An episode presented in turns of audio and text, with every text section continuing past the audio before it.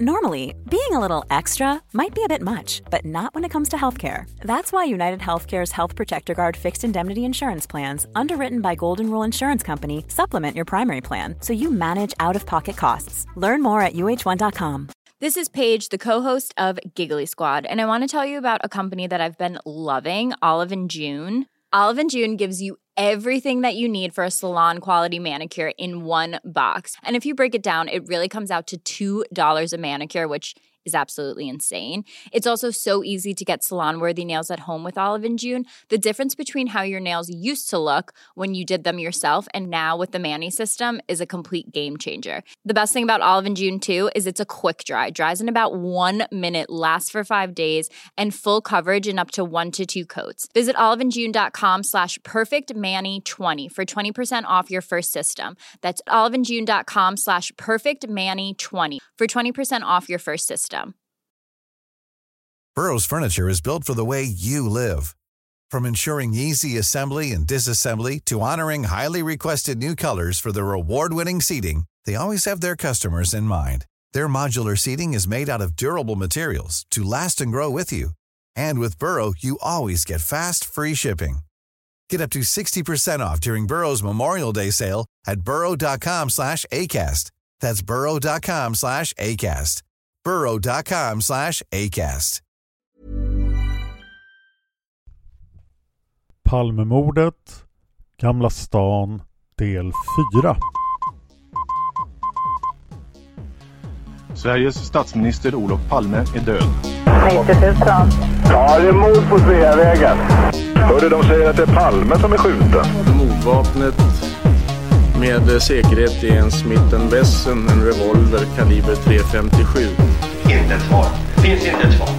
För jag har inget. Och jag har inte varit. Varför skulle jag göra Polisen söker en man i 35 till 40-årsåldern med mörkt hår och lång mörk rock. Välkommen till podcasten Palmemordet som idag görs av mig, Dan Hörning. Det har förekommit några maskerade bitar i dagens dokument men jag tror att jag har lyckats eliminera allihop. Det var inte jättemånga. Om du tycker om det vi gör i den här podden och vill att vi ska hålla på tio år till då kan du stödja oss på Patreon, patreon.com. Det blir vi jättetacksamma för. Tycker du att det är komplicerat så funkar det även bra med Swish. Skicka mig ett meddelande så får du reda på numret. Kontaktinformation finns i avsnittstexten och i slutet av avsnittet. Vi är i Palmeutredningens avsnitt Z, Gamla stan och vårt nästa vittne är Per M. Och det är kriminalinspektör Håkan Ström som pratar med Per M redan den 1 mars klockan 22.08. Det har varit en lång dag för Håkan Ström. Händelse iakttagit paret Palme på väg till T-banan Gamla stan. 86.02.28 klockan 20.30 mötte Per M paret Palme i gången under Munkbron. De gick med raska steg mot tunnelbanan. Det var lite folk i rörelse. Ingen verkade följa efter dem. En stund senare kom tre ungdomar i samma riktning som Palme. Och det här är anmärkningsvärt att Per säger så lite den här första gången. För det kommer att komma med här och det kommer att sluta i en fantombild. Nästa dag redan den 2 mars klockan 07.10 så tar Agneta Lund emot uppgifter från Per M. Per uppger att han själv bor i Gamla stan och därför ganska ofta har stött på paret Palme.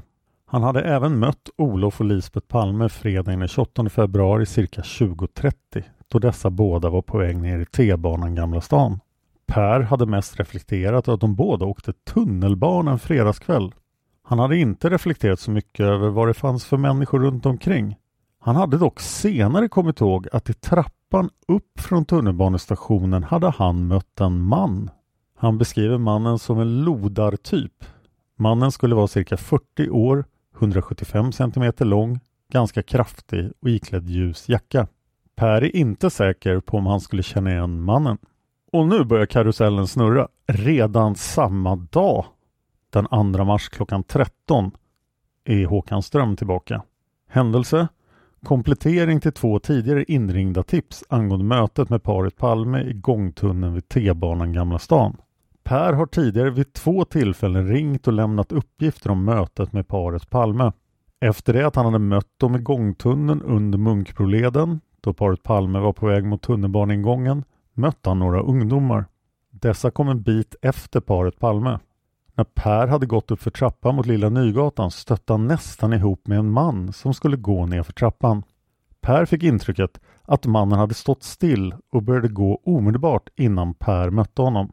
Det hade då gått cirka 30 sekunder sedan han hade mött paret Palme. Vid sina tidigare samtal har Per inte kommit att tänka på mannen. Mannen gick ner för trappan i riktning mot tunnelbanan. Signalement Man, cirka 40 år gammal, 175 cm lång. Han hade skäggstubb. Han var iklädd ljusare mockajacka samt mörkare byxor. Han var barhuvad. Mannen gav ett sjaskigt intryck. Per är osäker på om han skulle igenkänna mannen. Här finns en rödmarkering span. Och bara en halvtimme senare så blir det fjärde gången Per hörs. Protokoll över förhör med Per M född 51, anställd Televerket Radio. Förhöret hållet per telefon den 2 mars 1986 med början 13.30. Förhörsledare inspektör Solveig Härling. Per underrättad om att han skulle höras i anledning av att han har gjort vissa iakttagelser beträffande Olof Palme, och hans hustru. Per har tidigare själv kontaktat polisen. Per uppger att han den 28 februari 1986 vid cirka 20.35-20.40 tiden kom från Gamla stans tunnelbana. I tunneln upp till markplanet så möter han Olof och Lisbeth Palme. Strax efter dem kommer det några glada ungdomar. Per fortsätter att gå och går upp för trappan till gatuplanet. Där uppe ser han att det står en man. Denne går sedan ner mot Per och i trappan kommer de i kollisionskurs med varandra. Detta var nästan uppe i markplanet. Mannen han mötte stirrade på Per och denne fick en känsla av att han kunde bli överfallen. De steg åt sidan för varandra. Per uppskattar att Palmes kan ha hunnit till svängdörrarna in till tunnelbanehallen då han själv möter mannen. Per svänger sedan åt höger och han ser inte om mannen går in i själva tunnelbanan. Efter mannen ser han ingen människa. Han beskriver mannen som cirka 40 år, kraftig, mörkhårig, dock ej svart, begynnande skäggstubb av eventuellt en liten mustasch. Inte typiskt utländskt utseende. Han var iklädd en ljus jacka, mörka byxor, ej jeans. Han vet inte om han skulle kunna känna igen mannen. Anteckningarna relaterade godkända Solveig Härling. Nästa dag, den 3 mars 14.45, är det dags igen. Nu är det P.O. Hågestam som pratar med Per. Här får jag reda på att Per är civilingenjör. Händelse. Iakttagelse av person vid tunnelbanan Gamla stan. Per, vilket tidigare hörde i ärendet beträffande sina lämnade uppgifter, kontaktade åter polisen för ytterligare information. Han uppger därvid att han åkte T-banan från station Torisplan med tåget som går klockan 20.25. Det tar cirka 12 minuter till station Gamla stan, ej kontrollerad uppgift.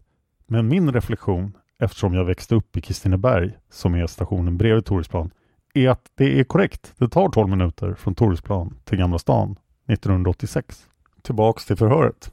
När Per sedan gått upp från perrongen och befinner sig nästan mitt i den tunnel som leder till markplanet möter han paret Palme. Efter paret kommer några ungdom, avståndet är cirka 10 meter. När Per befinner sig cirka 15 meter från trappan upp till gatuplanet ser han en man som har stannat precis ovanför och något till höger om översta trappsteget. Mannen börjar gå ner för trappan omedelbart efter det att Per har sett honom. Eventuellt tar mannen något haltande steg först. Mannen tittar intensivt på Per och de kommer på kollisionskurs varför de väjer åt vart sitt håll. Om mannen hade någon väska ska det i så fall vara av bagmodell. Hade det varit en handledsväska tror Per att han hade reagerat på detta.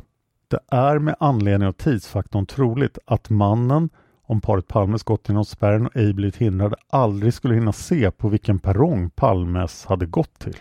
I övrigt lämnar Per samma uppgifter som tidigare på mannens utseende och klädsel. Per uppger att han minnesbild av klädseln dock är något vag. Han tror sig kunna känna igen mannen vid en eventuell konfrontation. Tillägg. Per uppger att mannen var välbyggd. Möjligen hade han en liten näsa. Ej glasögon. Den 5 mars klockan 08.30 är det dags igen. Nu är det Stefan Johansson som pratar med Per. Per mötte Palme vid T-banestationen i Gamla stan när Palme var på väg till biografen Grand. Per observerade en man som följde efter Palme. Per kan precisera var, när och vilka som följde efter Palme. Per har anmält sina iakttagelser i helgen, söndags, men han är orolig för att han ska glömma bort förlöjlarens ansikte, står det faktiskt. Och han vill därför att polisen tar kontakt med honom så fort som möjligt. Per nås hela dagen på telefonnummer till arbetsplatsen. Nästa dag, den 6 mars klockan 9, är det Å Svensson som tar emot uppgifter från Per. Per tidigare hör och även hört av sig flera gånger till polisen. Per uppger nu att han är ganska säker på att känna igen den man som han mötte vid trappan från tunnelbanestation Gamla stan den 28 februari. Per säger sig ha den mannens ansikte på sina näthinnor. Kan den mannen vara gärningsmannen? Och passar tidigare signalement från personer vittnen i närheten av brottsplatsen möjligen in på Pers uppfattning om nämnd man. Stor rödmarkering, förtur. Och nu kommer vi in på ett dokument som har kommit ut på senaste tiden tack vare den duktiga dokumentsgruppen. Tack alla som hjälpt till med att begära ut dokument. Om ni vill hjälpa till med sånt så gå till Facebook och gå med i gruppen Palmemordet, FUP och övriga handlingar. Tack så jättemycket till den gruppen. Ett dokument innehåller ett antal fantombilder. Det finns alltså ett stort antal fantombilder och en av dem kommer från Per. Den har fått numret bild nummer 6. Uppslaget är Z8124K. I dokumentet står det tid 28 februari 2040 Gamla stans tunnelbanestation. Signalement 175 till 180 cm. Atletisk kroppsbyggnad. Sandrefärgad, halvlångt, lite vågigt hår. Iklädd något ljust, eventuellt en mockjacka och mörka byxor. Bar kanske på en bag. Och sen är det då den här bilden som tyska polisen har varit inblandad i att ta fram. Den bilden liknar ingen för mig känd möjlig gärningsman för Palmemordet. Jag ska lägga upp bilden på Facebook så att ni också får studera den. Jag ska också lägga upp den på min Instagram. Påminn mig om jag inte har gjort den när ni hör det här. Mannen ser väldigt svensk ut. Han har en mustasch som går ner på sidan av hakan men inget hår på hakan och han har ganska krulligt hår, väldigt tjockt hår. Han ser onekligen nordeuropeisk ut. Sen får ni berätta då om ni tycker att den här mannen liknar någon ni känner till i samband med Palmemordet. Vi har ett till dokument.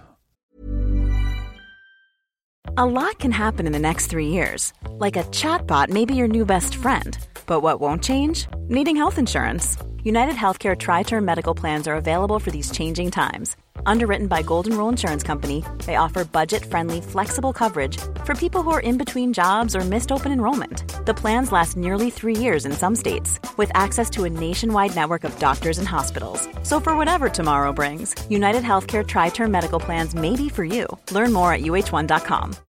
How would you like to look five years younger? In a clinical study, people that had volume added with Juvederm Voluma XC in the cheeks perceived themselves as looking five years younger at six months after treatment. Look younger, feel like you. Add volume for lift and contour in the cheeks with Juvederm Voluma XC. Reverse signs of aging by adding volume to smooth laugh lines with Juvederm Volure XC. For important safety information and to find a licensed specialist, visit juvederm.com. That's J U V E D E R M.com. Not for people with severe allergic reactions, allergies to lidocaine, or the proteins used in Juvederm. Common side effects include injection site redness, swelling, pain, tenderness, firmness, lumps, bumps, bruising, discoloration, or itching. There's a risk of unintentional injection into a blood vessel, which can cause vision abnormalities, blindness, stroke, temporary scabs, or scarring. Talk to a licensed specialist to find out if it's right for you. I'm Sandra, and I'm just the professional your small business was looking for. But you didn't hire me because you didn't use LinkedIn jobs. LinkedIn has professionals you can't find anywhere else, including those who aren't actively looking for a new job but might be open to the perfect role, like me. In a given month, over 70% of LinkedIn users don't visit other leading job sites. So if you're not looking on LinkedIn, you'll miss out on great candidates like Sandra. Start hiring professionals like a professional. Post your free job on linkedin.com/people today. Från Per. Nu är Gustav Bonnet inkopplad. Han var ju med i förra avsnittet en hel del. Det är den 7 mars och det är sammanfattning av samtalet med Per. Per har tillsammans med tyska polisen gjort en fantombild av mannen som han mötte i trappan som ligger före tunneln som går till biljetthallen i station Gamla stan. Han berättar att han mötte paret Palme i tunneln cirka 20.37 till 20.40. Efter dem, bara några meter efter, kom det tre ynglingar i 20-25 årsåldern.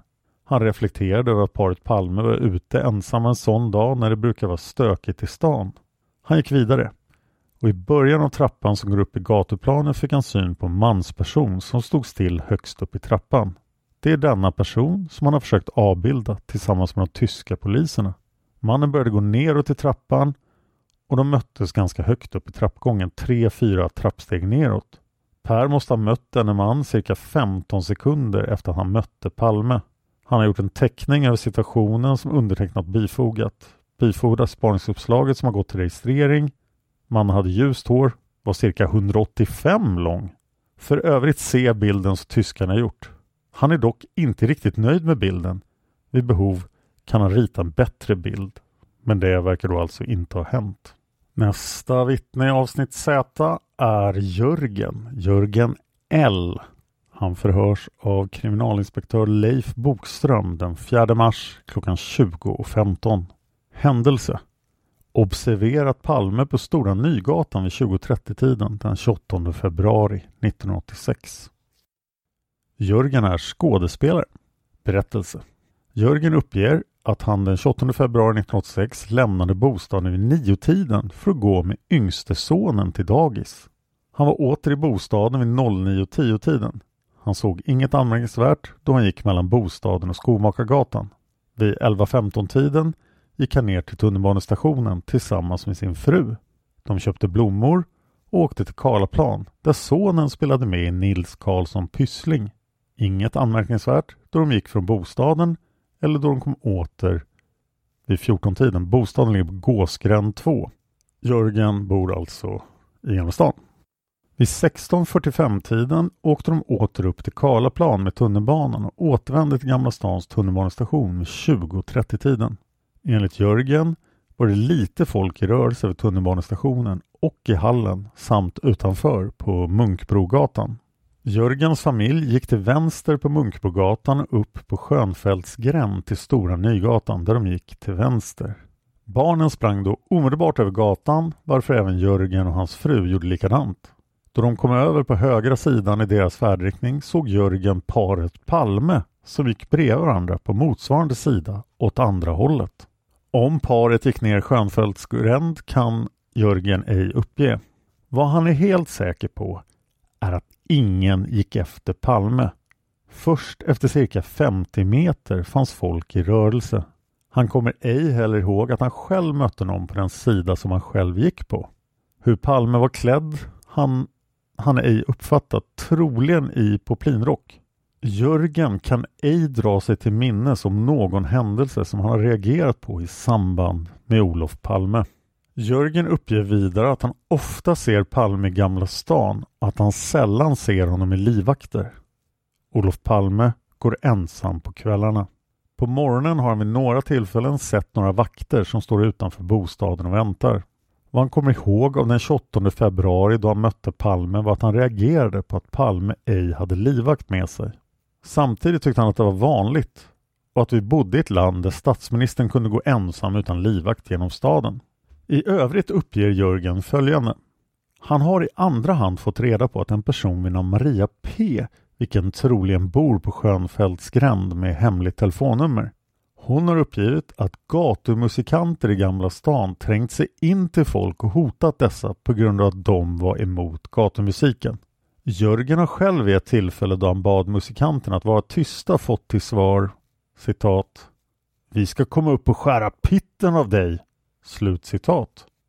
Jörgen har ej tagit hotet på allvar. Maria P har även uppgivit att utlänningar varit inne i en delaffär och tagit upp stora summor pengar för att köpa ut en del företagare. Slutligen uppger Jörgen att han vet att Palme var för gatumusiken då han flyttade till Gamla stan men att han på senare tid var emot dessa då de störde så mycket. Jörgen hörs igen den 11 mars det är kriminalinspektör Leif Bokström och Lars Hammar som håller förhör. Jörgen upplystes om att förhöret gällde hans promenadväg mellan T-banestationen i Gamla stan upp till bostadsadressen som han gick den 28 februari 1986 och då han mötte Olof och Lisbeth Palme. Vi började vår vandring nere vid tunnelbanestationen vid Gamla stan och Jörgen visade nu vägen som han och hustrun samt barnen gick. Då de kom upp från T-banehallen upp på Munkbrogatan gick man till vänster fram till Kåkbrinken där man gick fram till Stora Nygatan. Min parentes. Jag har lagt en film på Palmemordets Youtube 2016 eller 17 där jag går Palmes väg från bostaden till tunnelbanan. Förhöret fortsätter. Barnen springer nu snett över Stora Nygatan i riktning mot Gåsgränd. Jörgen och hans hustru går samma väg, snett över gatan. Och då de är i höjd med hus nummer 21, Stora Nygatan, observerar Jörgen paret Lisbeth och Olof Palme, vilka går på motsvarande sida utanför hus nummer 22. Jörgens fru observerar inte paret Palme då hon har ögonkontakt med sina barn som springer cirka 50 meter framför dem. Jörgen uppger vidare att han inte under promenaden på Stora Nygatan observerat någon person fram till Gåsgränd där han svänger upp till höger. Han uppger att han inte heller tittade upp i gränderna som han passerade då han gick fram till Gåsgränd. Jörgen kan heller inte säga vilken gränd Palme senast svängde ner mot tunnelbanestationen. Han är dock helt säker på att ingen person närmare än 50 meter har följt efter paret Palme. Vad han minns har han blicken riktad ända bort mot posten på Stora Nygatan. Under den sträckan ser han ingen person, vare sig på den högra eller vänstra sidan av Stora Nygatan. Jörgen har i övrigt inget att tillägga beträffande den sträcka han gått från tunnelbanestationen upp mot bostadsadressen Gåsgränd 2. Angående den tid då han mötte Lisbeth och Olof tror han att det var cirka 20.30. Han är inte exakt helt säker på tiden. Förhöret med Jörgen avslutades klockan 09.55. Tillägg. Jörgen uppgav att Olof Palme var på Operakällaren den 14 december 1985 och där mottog ett fredspris. Händelsen tv-filmades. Men vad det har med någonting att göra är jag inte säker på. Polisen pratar med Jörgen igen den 1 april klockan 11.30. Det är kriminalinspektör Leif Tåström som sköter det. Och det händer på telefon. Per telefon meddelade Jörgen att han fredagen den 28 mars klockan 23.00 observerat en man som vars utseende stämde överens med det fotografi som har publicerats och som utvisade en man som skulle ha följt efter Palme dagen före mordet. Denne var tillsammans med ett gäng om 6-8 ungdomar som befunnit sig på Stora Nygatan i Gamla stan och som hade uppträtt allmänt störande. Jörgen hade inte tänkt på förhållandet just då men senare har han kommit att fundera över förhållandet och funnit att mannens utseende stämde väl överens med den publicerade bilden frånsett att mannen nu varit kortsnaggad. Jörgen ville vidare framhålla att han är bosatt i närheten av Palmes bostad samt att han i början av februari månad 1986 väcks vid 03-tiden av oväsen på gatan utanför. Han hade tittat ut genom fönstret och observerat en ABAB-vakt utanför fastigheten 31 Västerlånggatan. Jörgen hade öppnat fönstret och ropat på vakten för att påkalla dennes uppmärksamhet men denne hade istället raskt sprungit från platsen. Jörgen har icke kunnat finna någon naturlig förklaring till vaktens beteende och vill av den anledning framföra förhållandet till polisens kännedom för eventuella åtgärder i anledning av mordet på statsminister Palme. Vårt nästa avsnitt Z-vittne är Stefan L. Han hörs den 2 mars klockan 18.10 av Håkansson. Uppgiftslämnaren Stefan L och en kamrat vid namn Kent B hade varit i Gamla stan under fredagskvällen den 28 februari omkring klockan 20.35. De hade gått Västerlånggatan på väg från tunnelbanestationen. Vid Café Gråmunken hade de mött makarna Palme. De hade då varit på väg mot tunnelbanestationen.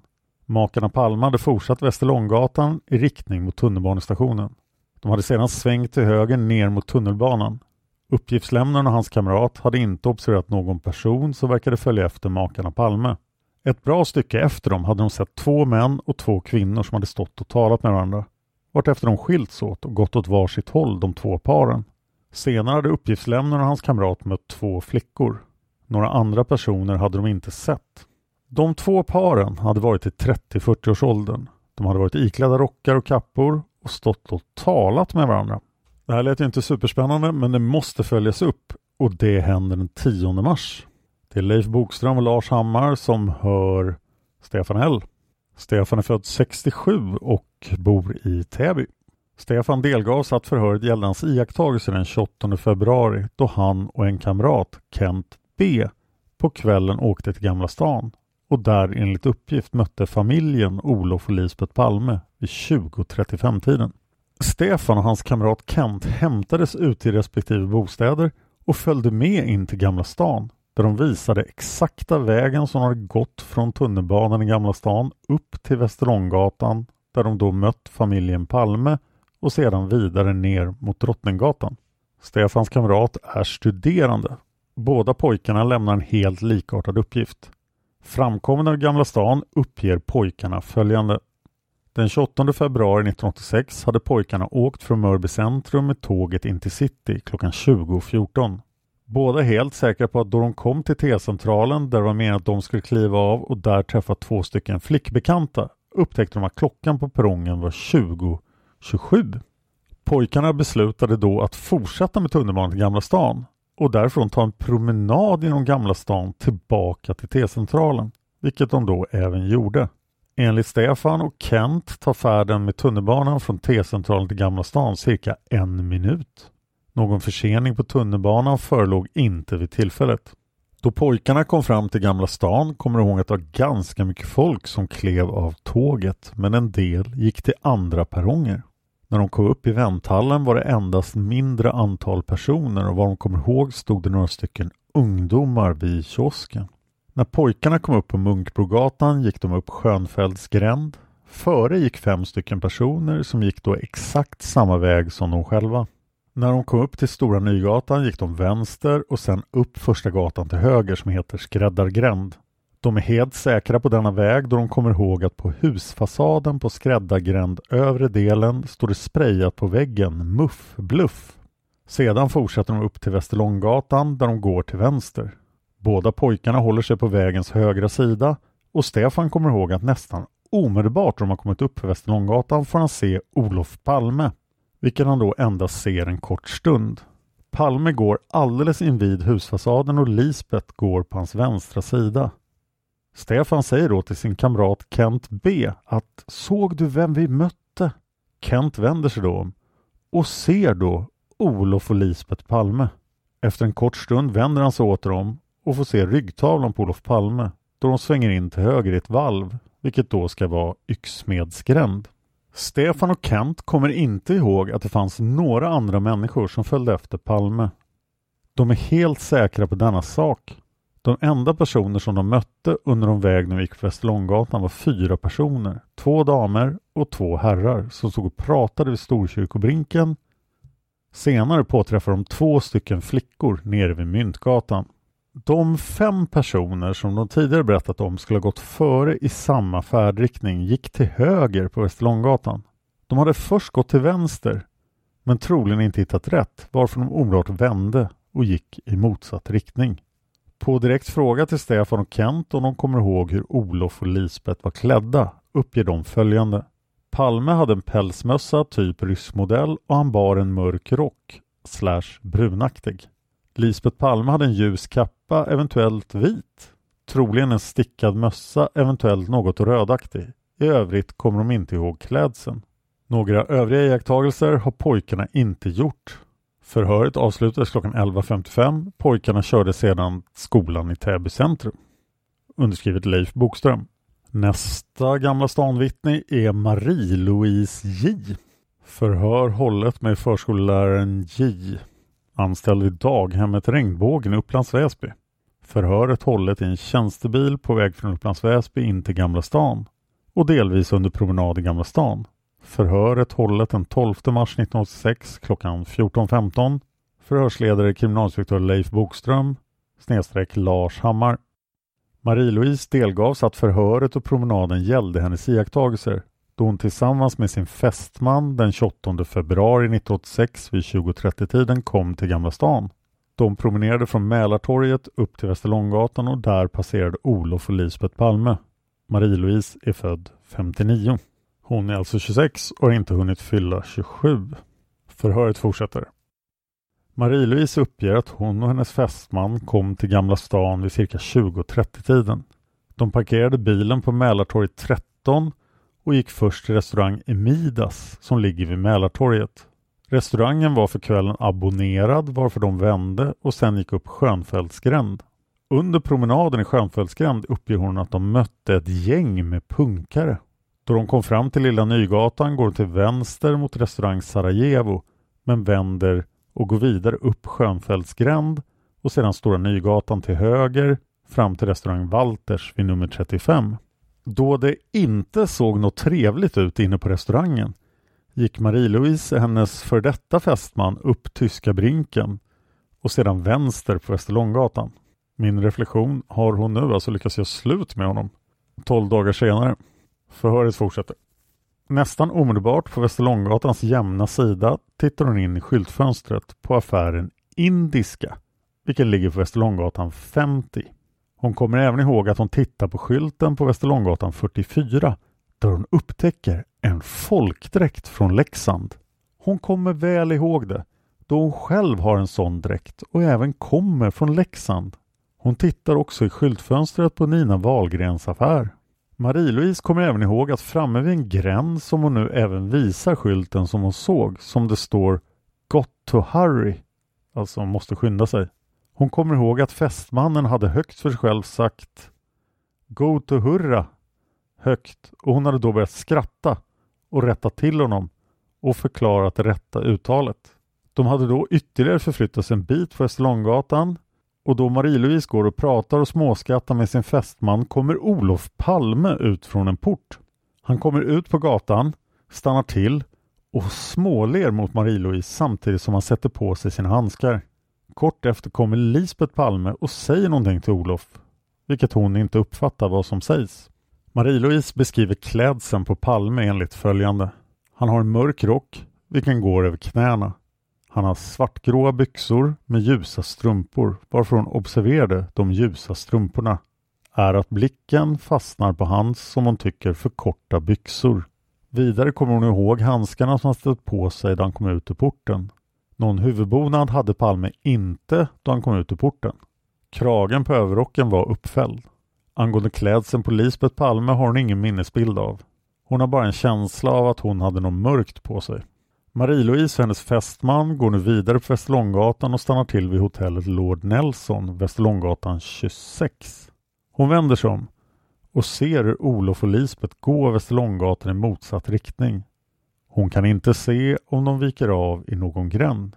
Under tiden som hon står på Västerlånggatan vid hotell Lord Nelson ser hon en person som står på Västerlånggatan utanför nummer 24 vid gränden Ignatigränd. Hon har inte uppfattat personen mer än flyktigt och kan inte säga huruvida det var en man eller en kvinna.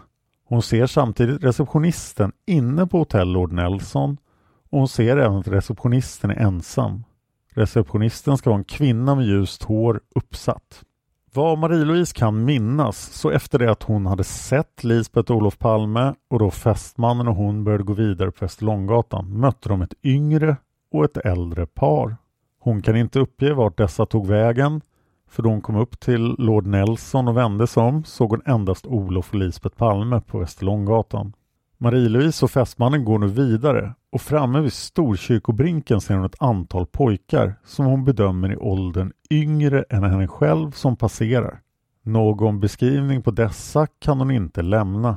Hon och fästmannen går vidare fram till restaurang Chapeau Clack och av någon anledning hittar de inte genast ingången utan kommer vid sidan om i en gränd och går, går på det viset runt huset och när de kommer åter upp Västerlånggatan får de stå en stund i kö innan de kommer in och får ett bord.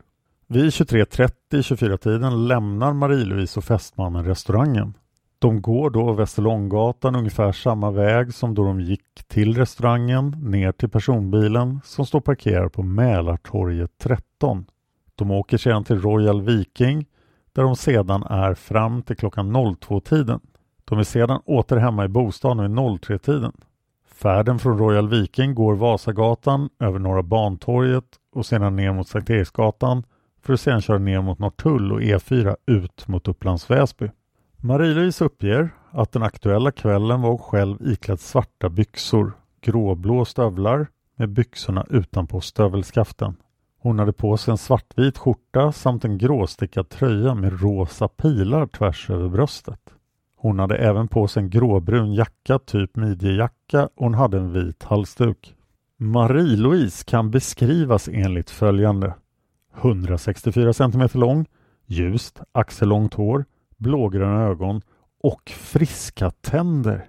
Marie-Louise har i övrigt inget att tillägga angående sina iakttagelser, varför förhöret avslutades. Underskrivet Leif Bokström. Vårt nästa Gamla stanvittne är Jan W. Han, hans uppgiftsmottagare är B. Lövenholm och det här händer den 3 mars.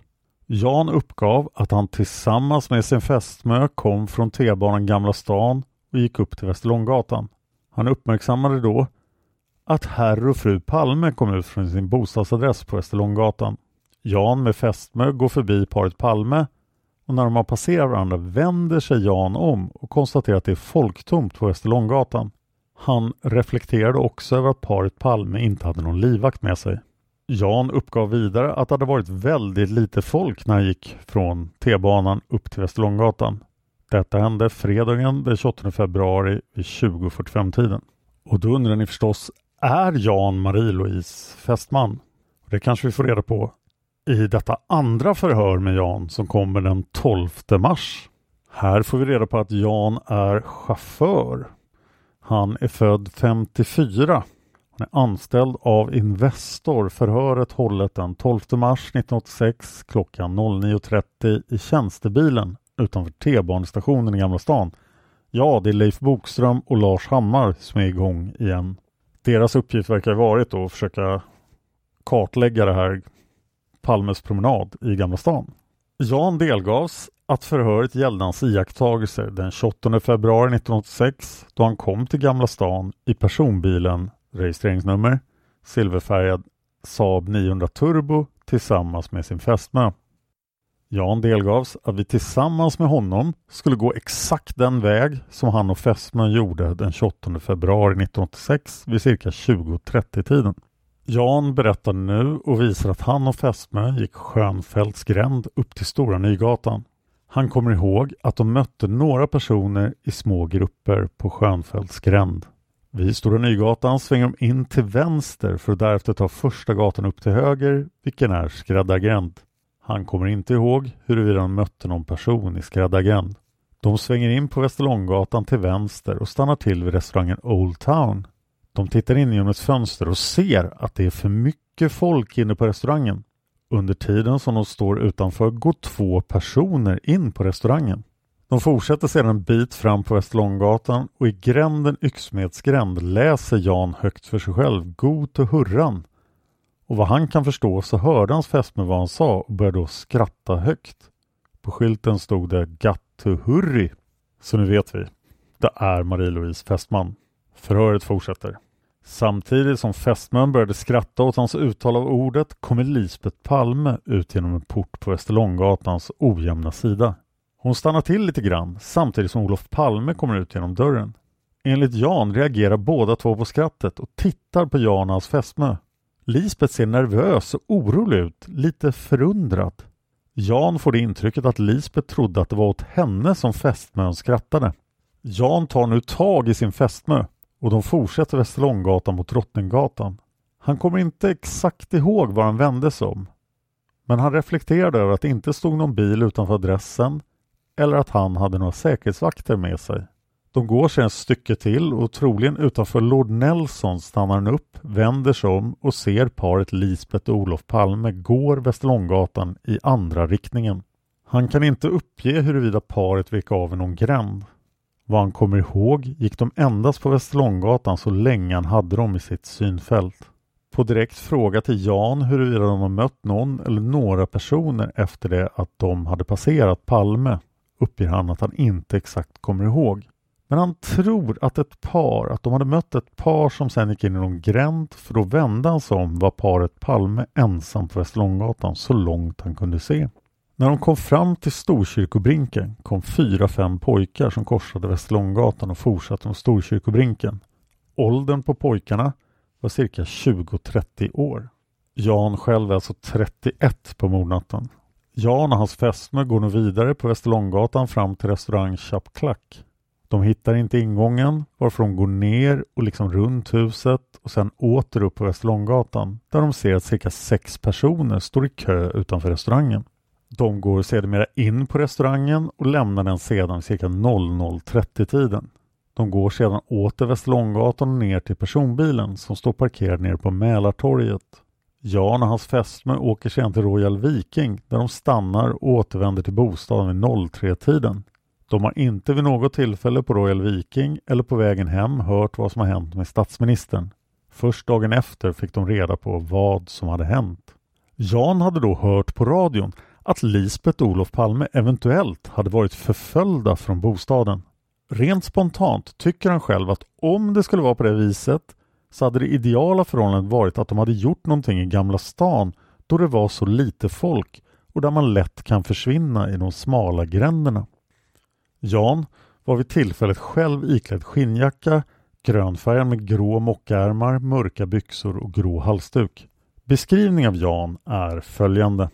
Han är 31 år, 165 till 170 cm lång, mediär kroppsbyggnad, rektangulärt ansikte. Han har brunaktigt hår som är rakt ner till öronen. Ögonfärgen är blå och näsan är konvex. Han har friska tänder. Jan har i övrigt inget att tillägga varför förhöret avslutas klockan 10.10 .10, underskrivet Leif Bokström. När vi återvänder till Gamla stan nästa gång då ska vi titta lite på vad som hände i Gamla stan innan mordkvällen.